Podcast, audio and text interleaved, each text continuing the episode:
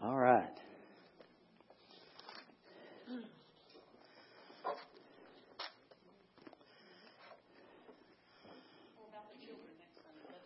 Oh, yeah, next Sunday, what? Say, how do we say it? Nine and up will be in here next Sunday. All right, so there'll be no test. And again, do not stay at home because your kids are going to have to sit in church with you. Bring your kids to church. Let's let them see how to sit in big church. Amen. Discipline is a good thing. The only thing difference between discipline and abuse is love. Okay? If you love people, you won't abuse them, your children, but you will discipline them. Right? I heard uh, one of the ladies tell her grandchild this morning, Would you be good today, please? And I said, My dad never said that to me. I, yeah, I never heard him say, Be good today, please. I've heard him say, It'd be good for you if you're good today. and stuff like that. Okay? But uh, let me tell you another story. There is a, there's a scripture in the Old Testament, and uh, when I was a, an Assembly of God youth pastor uh, in Greenville, we had this uh, uh, scripture battle. Y'all have heard me talk about them. You'll you standing on two teams in line. Somebody says a scripture, and as long as they said a scripture, they're okay. Next person said a scripture. When you came to the person, they didn't have a scripture to say. They were, and of course, you couldn't repeat them. So, you know, after about three lines down through there, people start sitting down. Well, I was I was the youth director there, Darlene and I were, and but we let the pastor come in and decide, you know, if people were making up scripture. You know, because cleanliness is next to godliness, you know, and that type of thing always gets thrown in there, and it's not in the Bible. And so, but I had seen this one uh, when I was a, a kid, and I'd read it, and it said. Uh, Beat thy child with a rod, he shall not surely die, but thou shalt save his soul from hell. I knew my dad believed that. And so I had that in me. And and y'all know, I told you, I was the only one that ever got disciplined. My sister and my brother, they just got to do anything they wanted to do. And, but anyway, bless my little heart, I was disciplined. My dad made it. But when I got up and gave that scripture, the pastor was standing there and he looked at me, and I was his youth director. He looked at me, he said, That's not a scripture. I thought, I can't believe he missed that one. He must not know my dad. Because it was a scripture.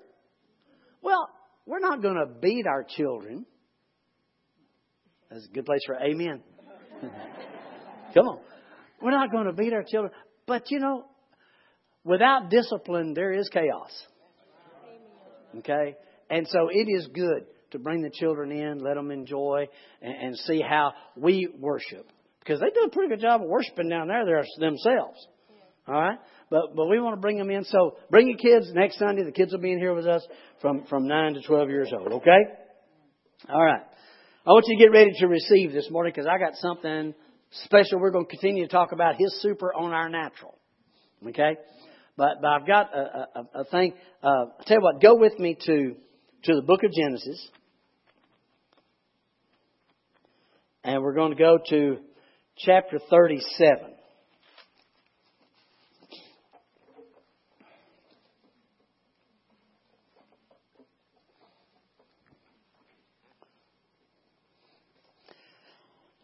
Found out this morning that a, uh, another friend of ours gone on to be with the Lord.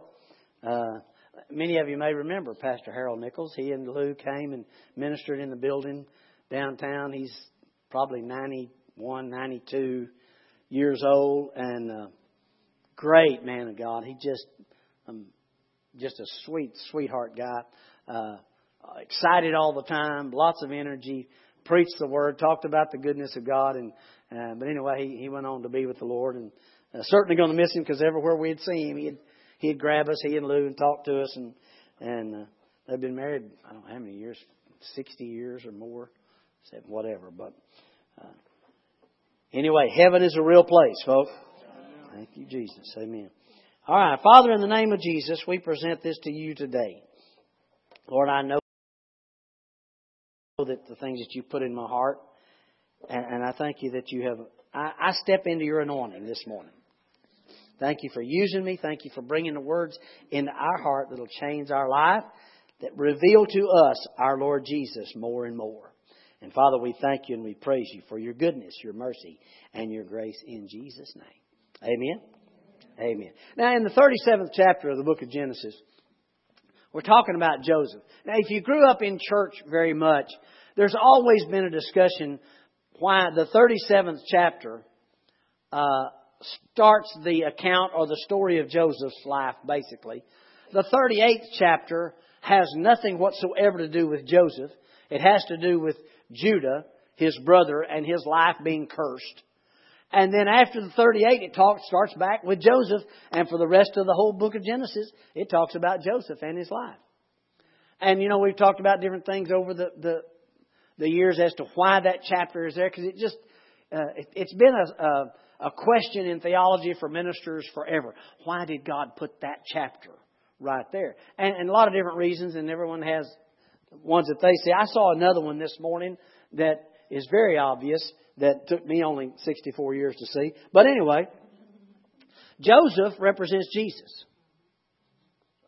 Okay? Beloved of his father, rejected by his brethren. Okay, that's Joseph. Judah was the example of the, of the rest of the brethren. Judah rejected Jesus, uh, Joseph, excuse me. And when he did, his life started being cursed.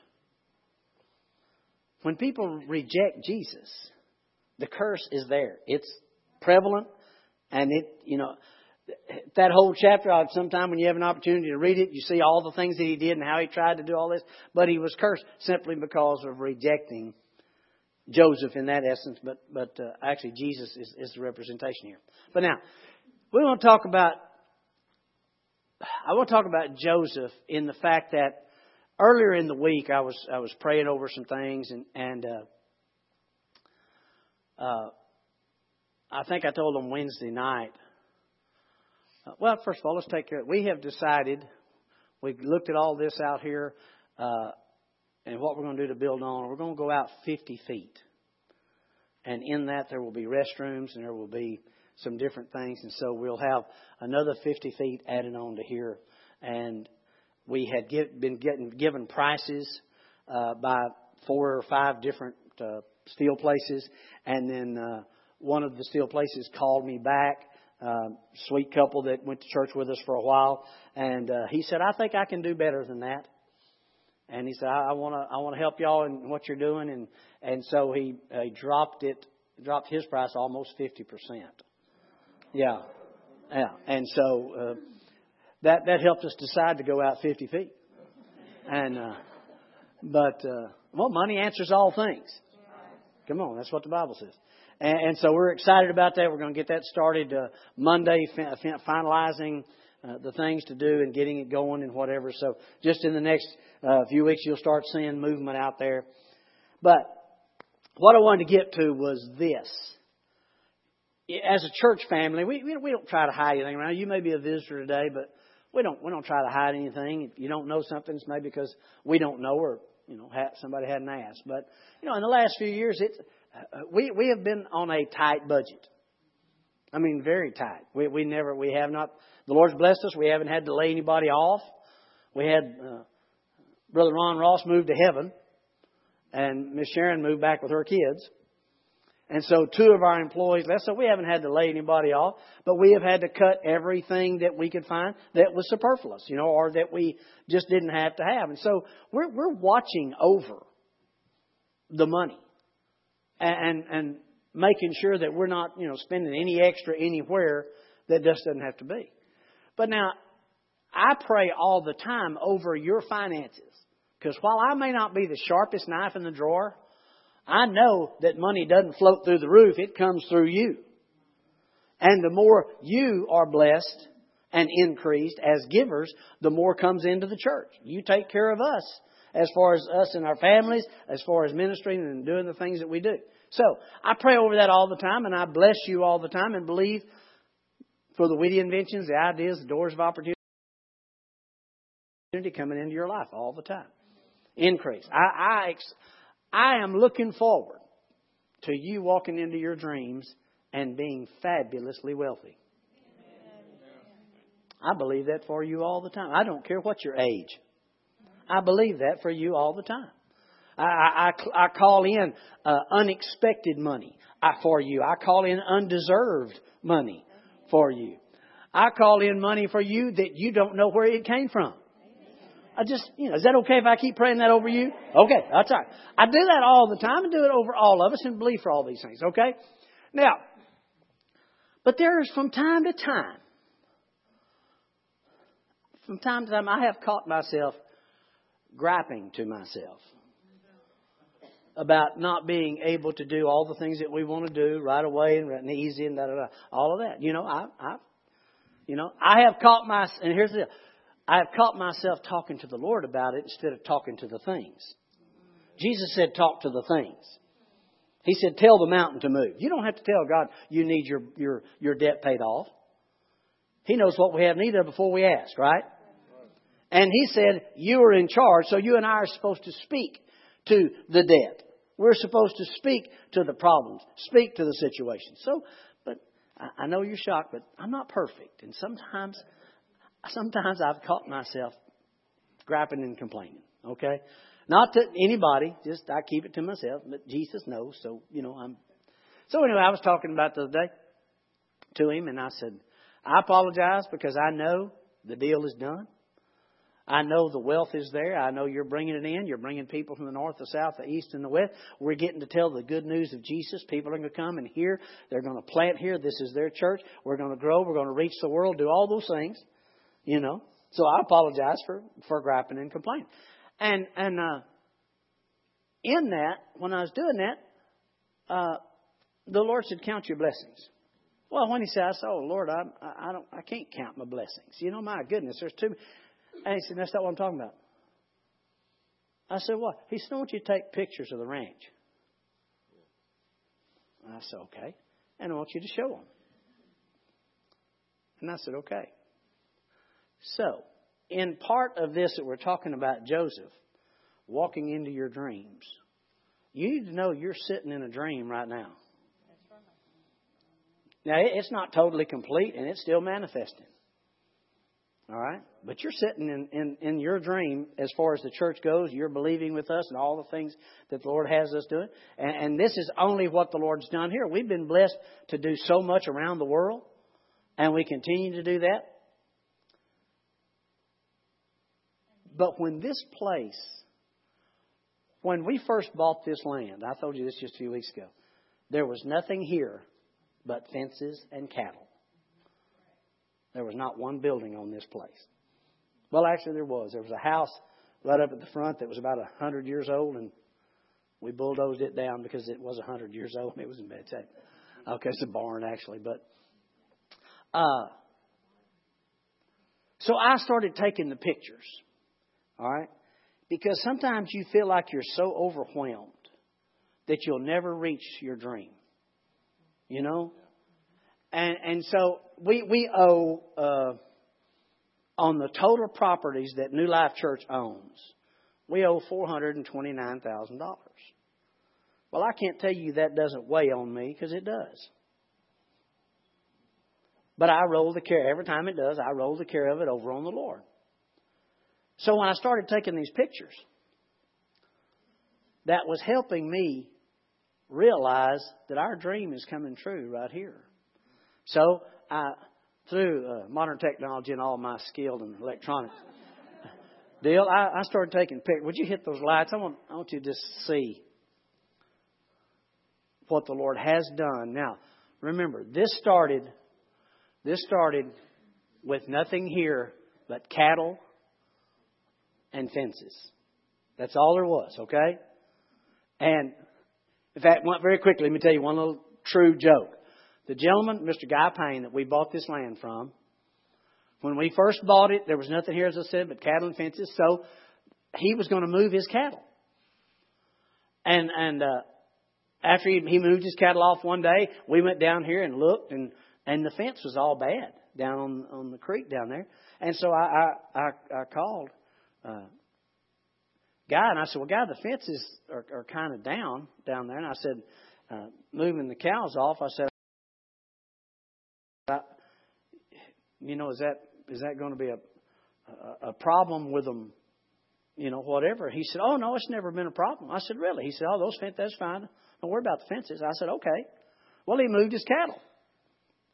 Well, two days later, we came. We had a whole herd of cattle out here, and so they were his cattle. So I went to Mr. Payne. I said, uh, uh, "Guy, uh, your cattle are back on our property on the on the ranch." You know, and he said, "Oh yeah, okay." Well, he said, "I'll get them all." And I said, uh, "I thought you said it never been a problem with the fences." He said, "Well, never has been. I own the land on the other side." See, when you own it all, it doesn't matter. It never been a problem here because they went back and forth because he owned both of them. So anyway, that was our situation. We had nothing out here but broken fences whatever. This is our arena. Covered arena. It's 300 long, 185 wide in most places, 145 in other places, right? Stalls on this side. This thing is valued at about a little over a half million dollars. Go to the next one. That's the stall barn that's next to it. That if when we put all the stalls up, there are about 40 stalls, 50 stalls in that. That thing probably, you know, it's only valued about $30,000. This road, before we go, well, the road there that you see with the cracks in it, the city of Caddo Mills put this in because we sold them four acres back there to put that state of the art sewer plant in. And they put in this road that you come in, you and I come in on every day, and didn't cost us anything. They asphalted it all the way around. The project, the sewer project, uh, the engineer showed me was uh, 400 and I believe it was 475,000 from what I remember. Uh, and I asked him, I said, "Well, how much was the road?" He said the road was 325. So we got a $325,000 road. It's got cracks in it. I understand it's not perfect, but all right. Go to the next thing. That's the pavilion over there. It's been there for many years. Uh, it's you know it's it's a ten thousand dollar structure. It probably take you that much to build it again. There are 134 acres, valued at approximately at the least $2,500 an acre. Okay, so that's a little over 275, 275,000, something like that. And there's the road again. There's my lovely wife on the golf cart this morning. This is the building down at the far bottom, but uh, the children's ministry, the youth ministry, all our offices again. Somebody help me. What do you figure? 140, 150? Huh? The wife priceless, certainly, but This building over here on the it's not worth a whole lot, but the you know it's we've just never gotten rid of it. But it, it's holding our junk. Anybody have a place where they put their junk? Okay, we got a lot of our junk in there. So that that building certainly if you had to build it, it'd cost you forty thousand dollars or so. Now, this is the house at the end. It's a four bedroom house down here. I mean, I figure those houses got to be a house got to be worth sixty, seventy thousand. Somebody tell me if you think I'm way too low. And there's one of the cabins. This used to be the bunkhouse, and it held at one time you could put 20, 25, 26 people in it. So we have a, a family living in it. So you know, again, it's worth sixty, seventy thousand dollars. This is one of the other cabins. You know, two bedroom, forty thousand anyway. There are two, three more. There's a, one over here, one over there. Three of them that are down there. And there's Miss Susie, and she's priceless.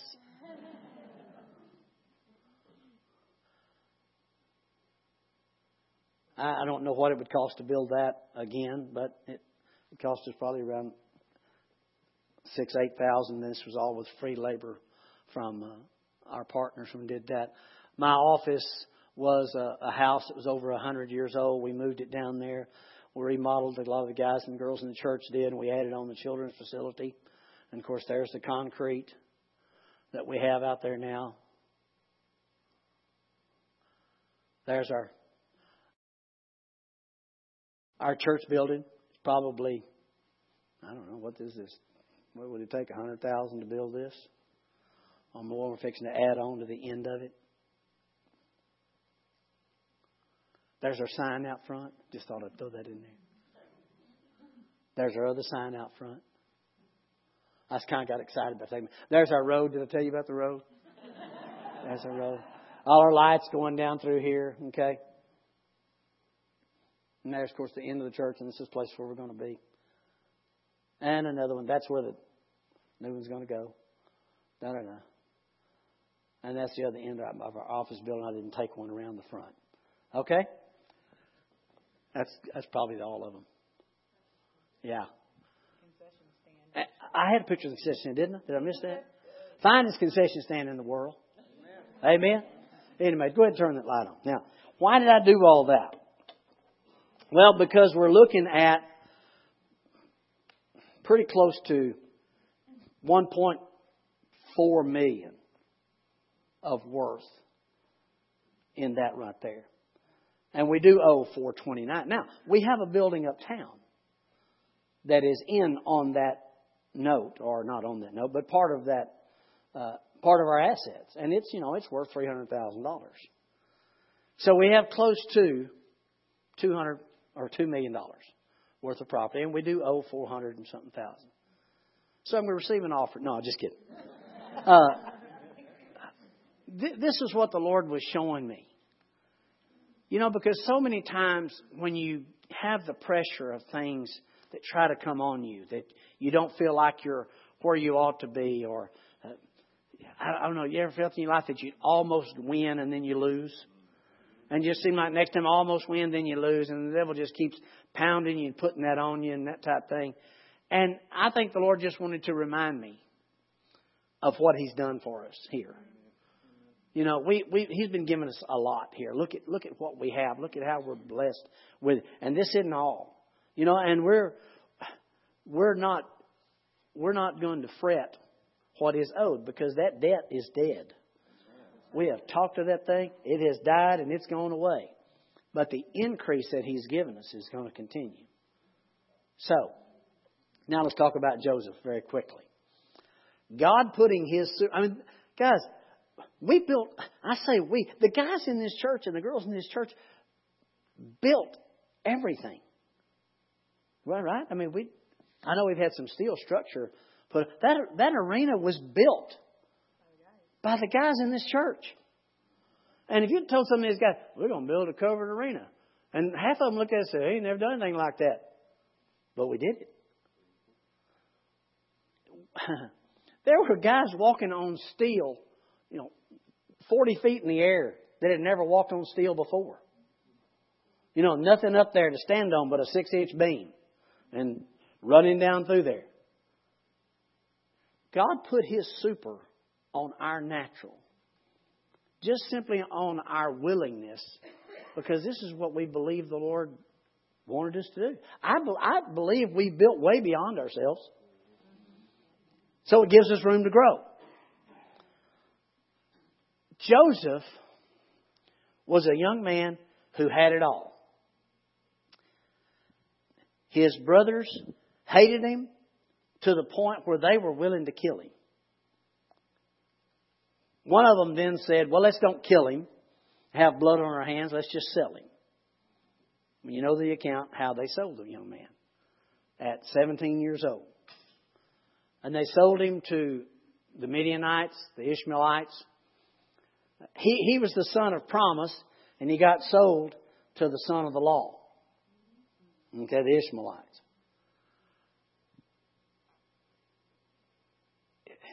There are times in your life when everything's doing good and, and you think, oh man, I finally got, finally got a foothold. I finally, we're, go, we're coming out of it. And then there can come along things that just hit and put you right back down.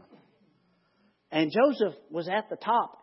He was the beloved of his father. Bible plainly says that daddy loved that boy more than he loved any of the rest of them.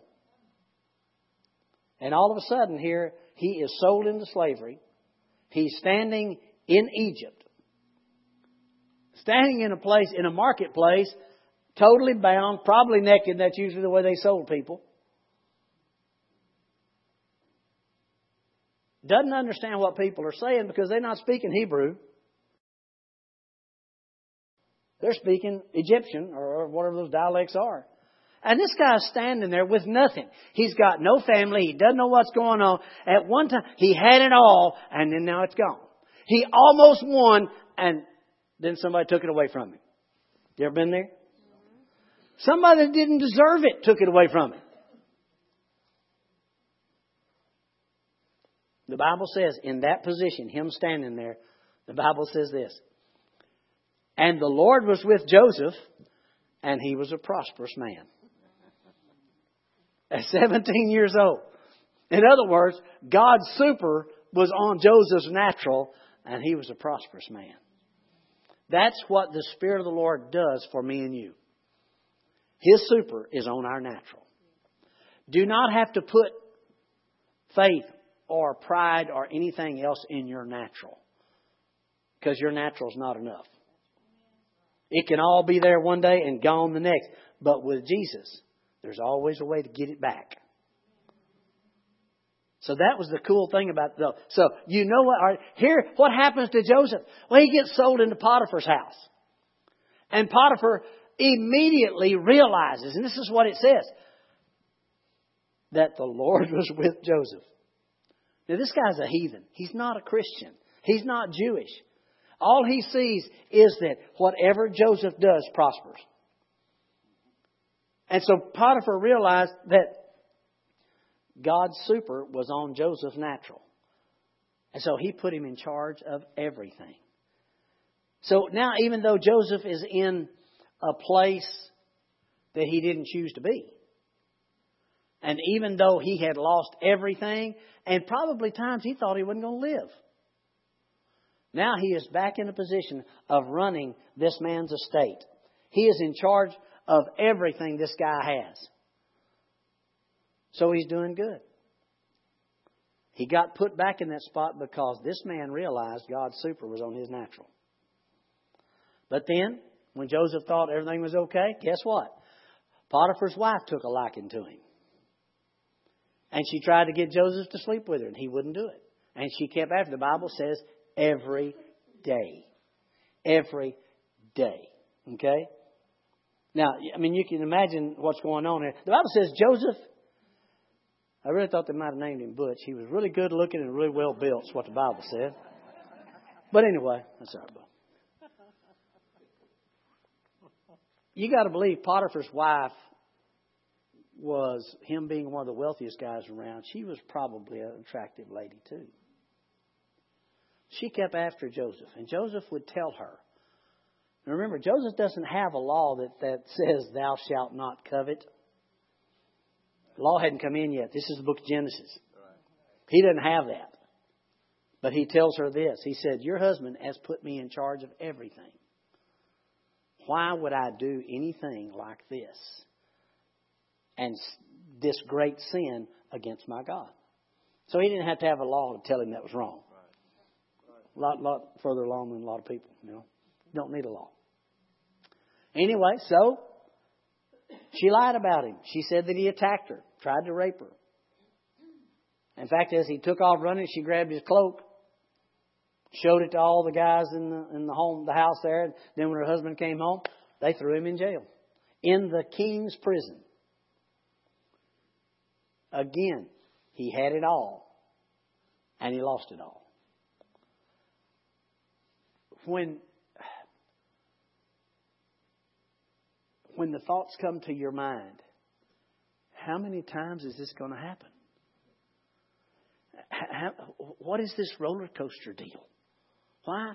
You know, if God is with me, why does this keep happening to me? It's called life. It's called life. And are there people out there who will lie, cheat, and steal to bring you down? Yes, they will. Are there, are there people out there who won't treat you right just because they either don't like the way you look or don't like your mama or uh, they want what you've got or what? Yes, they will. He says that what good does it to serve God? The story's not over. But we're still going. The story is over if you quit.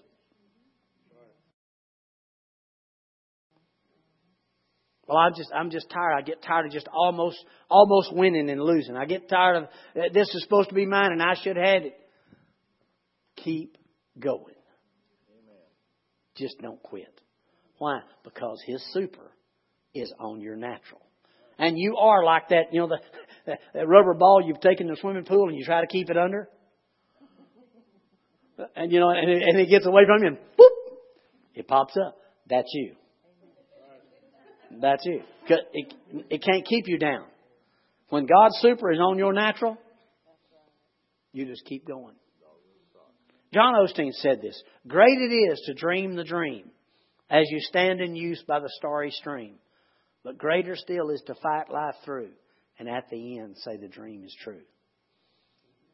God is faithful. Yeah. So Joseph is in prison. He's got nothing again. He's lost it all again. But so is Pharaoh's cupbearer and his baker.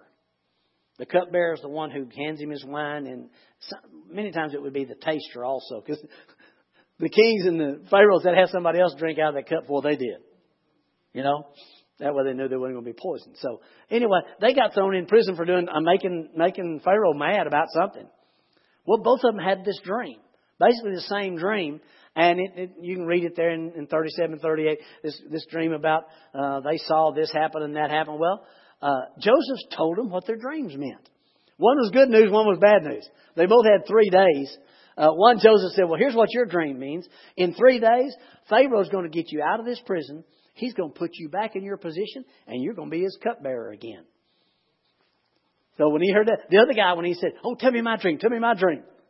He said, In three days? He said, Yeah, tell me my dream. Pharaoh's going to take your head off. You know, he, he, no, that's what happened. Joseph said this When you get put back in your position, don't forget me. And he actually said, I'm here for no reason. I am innocent. That's a wonderful thing to be able to say. I don't always get to say that. Okay? It's a nice thing to say, but it didn't make any difference in the situation. All right? Don't, don't let the devil tell you God's only going to deliver you if you're innocent. Forget that. Why? Because Jesus is innocent. That's what that that's what matters, right? Come on now, don't let don't let this get in you. That one little statement, just because he said he was innocent. It's kind of like those guys saying, uh, "Lord, we cast out devils in your name. Lord, we did this and we did that." And Jesus said, I never knew you. And, and the church world takes that and says, see? See, if, if you don't keep doing working for God, you know, God's going to say, I never knew you. Oh, he just said, I never knew you. You say, what are you saying? I don't know if those guys ever cast any devils or not. They just said they did. They just said they were a child of God. Jesus said, I never knew you. Anyway, it's another story, but you got to understand that. Just because something said that way doesn't mean it's that way. So, all right, Joseph, Still in prison. He's running the prison. He's prosperous because God's super is on his natural all the time. Two years later, takes two years for this guy to remember that Joseph interpreted his dream. And the only reason he did is because the king had a dream that nobody could interpret. And he said, Oh, oh, oh, there's that Jewish kid in the prison. He interpreted my dream. He told Pharaoh. Pharaoh brought him out. Joseph interpreted his dream of the famine that was coming and all the horrible things and how he did. And, then he said this, and just find out somebody that's wise enough that you can put in charge of taking care of all this, storing up all this food for the seven bountiful years is what's taking place. Because after that's going to be seven years of drought and famine. Well, Pharaoh runs the country. He's smart enough to know. He said, is anybody better than this guy right here? He's it. So he put him in charge of everything. Now he is back again from having nothing to having it all. For one reason the Lord was with Joseph, and he was a prosperous man. He said God made everything in His sight to increase. If there are times like this in your life, if you're one of those people that feel like you, just almost made it, you should have gained this position, you should have gotten to be that, somebody else got that, seemed like I take two steps forward and three steps back and all those things. Do not quit. Just don't quit. You have a God. You have a God. And His super is on your natural. And the only thing you have to do is to continue to depend on Him. If, if you read the account of Joseph from chapter 37, then jump over to 39 and, and go on through all of uh, uh and 52, I think it is, you're not going to see anything that Joseph did. Everything that he did came from God. Well, in fact, they told him, they said, Oh, interpret our dream. He said, Dreams belong to God. So he told them the dream. See, it, it wasn't his natural, it was God's super on his natural. So, you know, maybe some, I know some, of. maybe you've had stuff repossessed and maybe you've, you know, your credit is whatever and you can't borrow any money, which is not really a bad thing. You know, sometimes, but, but don't get me wrong. I, you understand what I'm saying? Do not think that you're stuck there. Do not let the devil plant in your mind, well, this is the way it's always been, this is the way it's always going to be. That is a lie. God's super is on your natural. And all you have to remember, I just get that picture of Joseph standing there, bound in that marketplace, naked, not owning anything, not knowing anybody, can't speak the language, totally, and completely lost. And the Bible saying, and God was with Joseph, and he was a prosperous man. And I think that's why the Lord had me take these pictures. You know, I hope that they will encourage you. You may not own your own house right now or even own your own vehicles or it ain't over, folk. It is not over. You just keep going.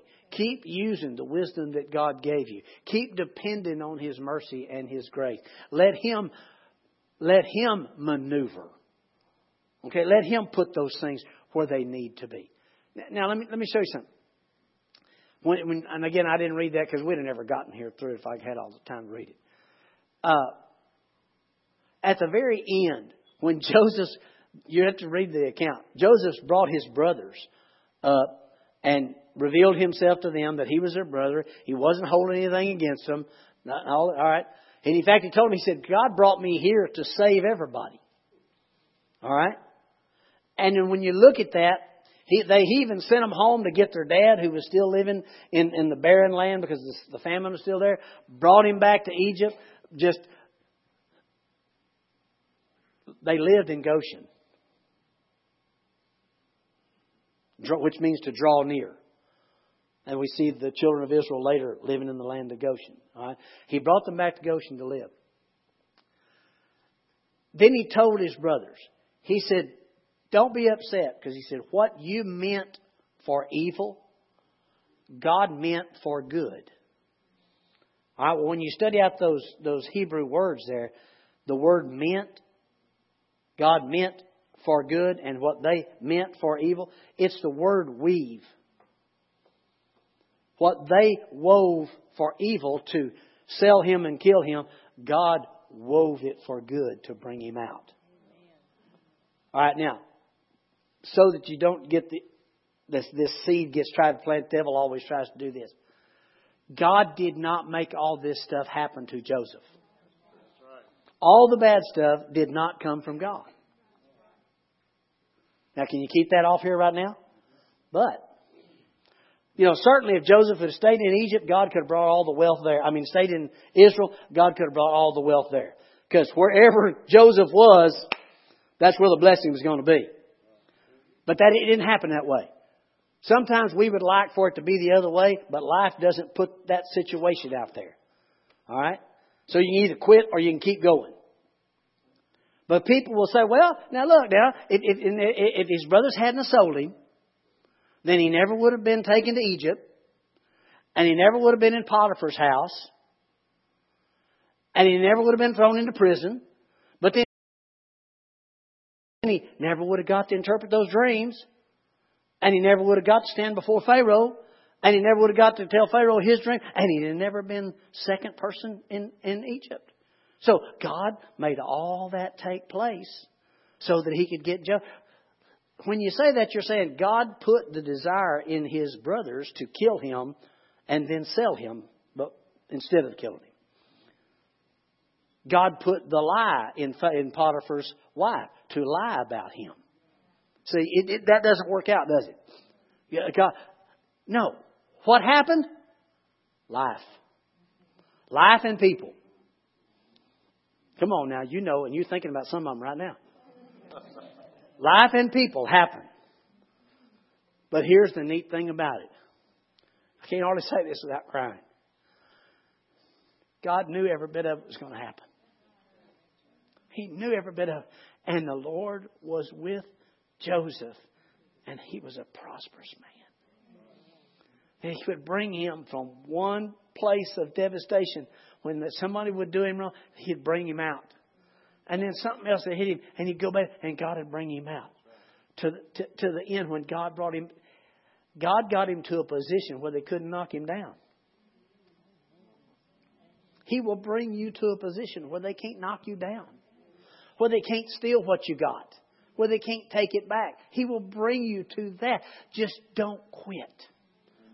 But I just, I just, Brother Butch, I'm just so far under. Then the only way's up, huh? The only way is up. Just don't quit. The Lord is with you. You are a prosperous individual. You have His wisdom.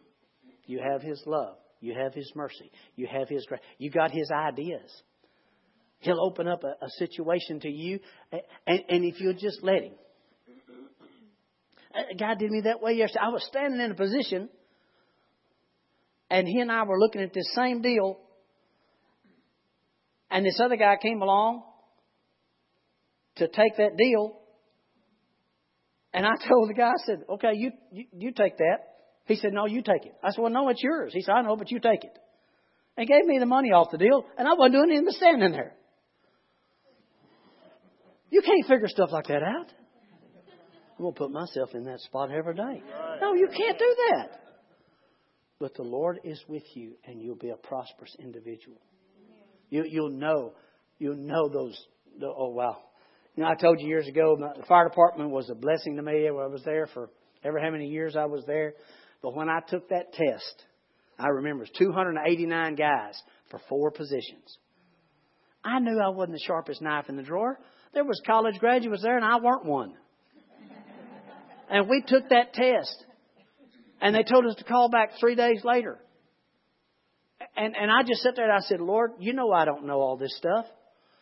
I mean, Lord, I'll, I'll answer what I can, but you're going to have to answer the rest of it for me because I don't have a clue. And four days later, I called back and I said, Hi, my name is Dalton Bruton. That's where doesn't get the name.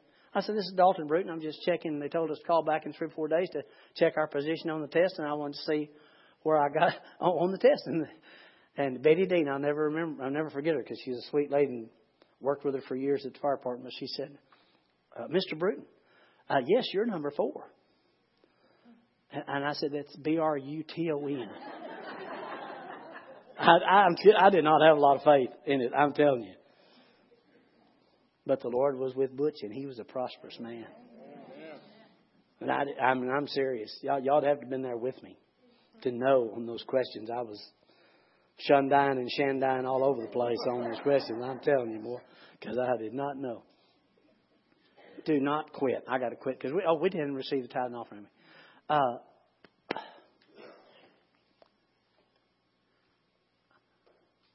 really, I, this this helped me seeing that what the Lord's done for us. In how many years? When did we buy this place? 95, 96. 95, 96. Darlene and I bought this 100 acres.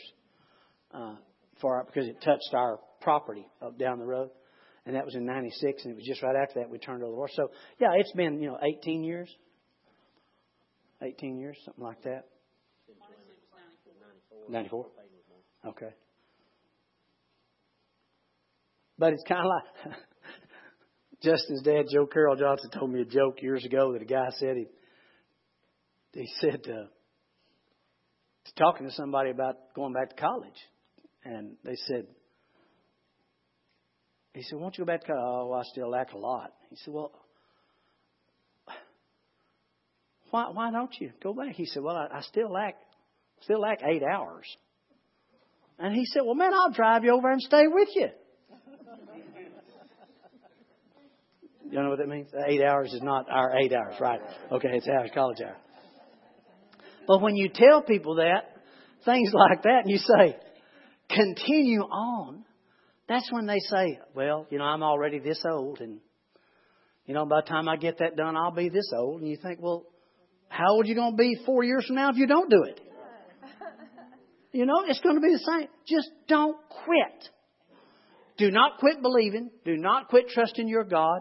Your, his blessing is on your life. And every time the devil tries to find a way to hit you and knock you down, steal something from you, not let you have something that you've been believing for and working for and everything else, the whole idea is to get you to quit. That's what he's after, to get you to give up and say this. Not in these words. There is no God. That's what the devil's trying to get you to say. There is no God on my behalf right now. And that's a lie. He is with you no matter what. He, while, while people might be trying to weave things and life might be trying to weave things bad, your God is behind the scenes weaving good things for you. Amen. So don't you quit. Amen. Let's receive this morning's tithe and offering. If you'll take the envelopes that are around you on the seats and ask the Holy Spirit how your giving is to be done. What you sow produces a harvest, without a doubt. Don't you ever doubt it. Amen.